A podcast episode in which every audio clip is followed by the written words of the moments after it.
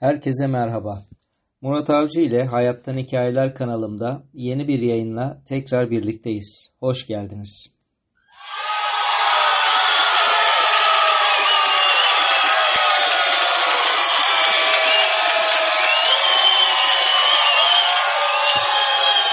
Gördüğünüz gibi podcast işinde acemiliği artık üzerimden yavaş yavaş atıyorum.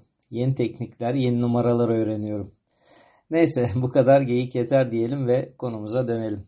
Hatırlarsanız son yayınımda Kanlıca'nın ihtiyarları dedik ve Yahya Kemal Beyatlı'nın unutulmaz Eylül sonu şiirini okuduk.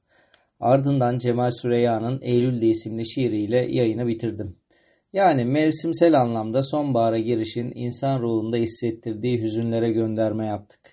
Ve insan ömrünün sonbaharı olan yaşlık dönemine de gönderme yapmış olduk. Madem bu elle hüzünle, yaşlılıkla girdik, bu yayında da öyle devam edelim diye düşündüm. Bir Teselli Ver isimli yayınımda abim İsmail Avcı'nın Hikayeler isimli kitabından bir bölüm okumuş ve Orhan Gencebay'ı anmıştık.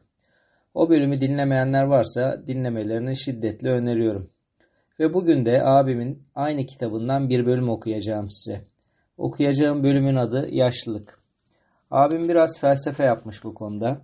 Sonuçta belli bir yaşa geldi ve yaşam tecrübelerinden aktarımlar yapıyor. Dolayısıyla bu tespitlerinin kıymetli olduğunu düşünüyorum ve sizlerle paylaşıyorum. Özellikle yaşlı anne baba ve diğer büyükleri olanların abimin söylediklerini dikkatle dinlemelerinde fayda var. Yaşlılık Yeni konumuz yaşlılık ve yaşlılar olsun. Genç insanların yaşlılar hakkındaki düşüncesi genellikle şöyledir. Onlar göreceklerini görmüşler, yaşayacaklarını yaşamışlar. Dolayısıyla artık istirahat etsinler, etliye sütliye karışmasınlar. Onları yormayalım, onları üzmeyelim.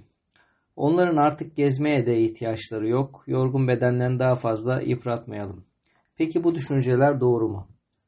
Yaşlı olmanın tabiri caizse unla eleyip duvara asmış olarak algılanmasının nedeni şu. İnsan yaşlandıkça vücudunun yaşlandığı gibi ruhunun da yaşlandığı, isteklerinin, arzularının, hayallerinin de yaşlandığı düşünülüyor. Bilhassa gençler tarafından. Halbuki yaşlı tanımına girmeye başladığımızdan beri anlıyoruz ki sadece vücut yıllarının erozyonuna uğruyor ve bu erozyonu hiçbir şekilde saklayamıyoruz. Ama vücut dışında yaşlanan başka bir şeyimiz yok. İşte genç insan bunu bilmediği ve anlamadığı için yaşlıya karşı ölümcül hatalar yapıyor. Gençlerin kendi yaşlarına yaptığı en ölümcül hata şudur. Pasifize etmek. Yani meşgalesiz, hayalsiz, plansız bırakmak. Yaşlı evde herhangi bir konuda yardımcı olmak istese aman anne kendini yorma, aman baba kafanı yorma, sen otur istirahatine bak biz hallederiz. Güya yaşlısına iyilik yaptığını sanarken onu işlevsiz bırakarak sadece ölümü düşünür duruma getirdiğini, yaşama tekrar bir ucundan tutunmak isteğini paramparça ettiğini anlayamaz bir türlü iyi niyetli evlat.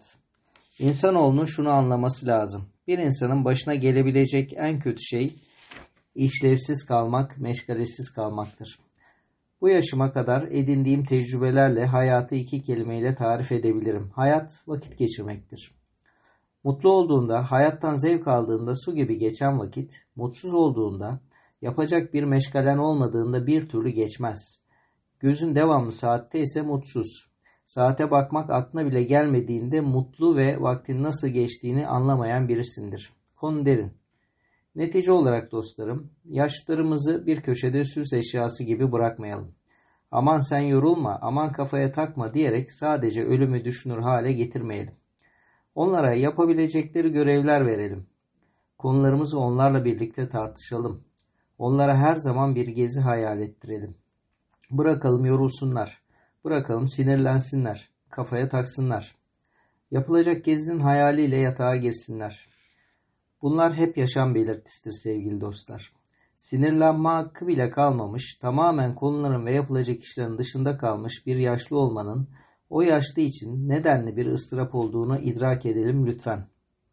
Son söz, bana bir meşgale verenin kulu kölesi olurum dedirtmeyin. Evet, abimin kitabındaki yazımız bu kadar.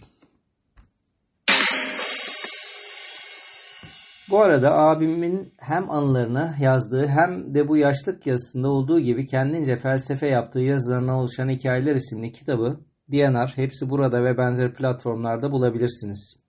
Ben ilgilenenler için kitabı inceleyebileceğiniz linkleri aşağıya bırakıyorum. Ve yayını kapamadan önce benden de sizlere son bir tavsiye. Annenizin babanızın kıymetini bilin. Unutmayın eş, dost, karı, koca vesaire bunlar bulunur.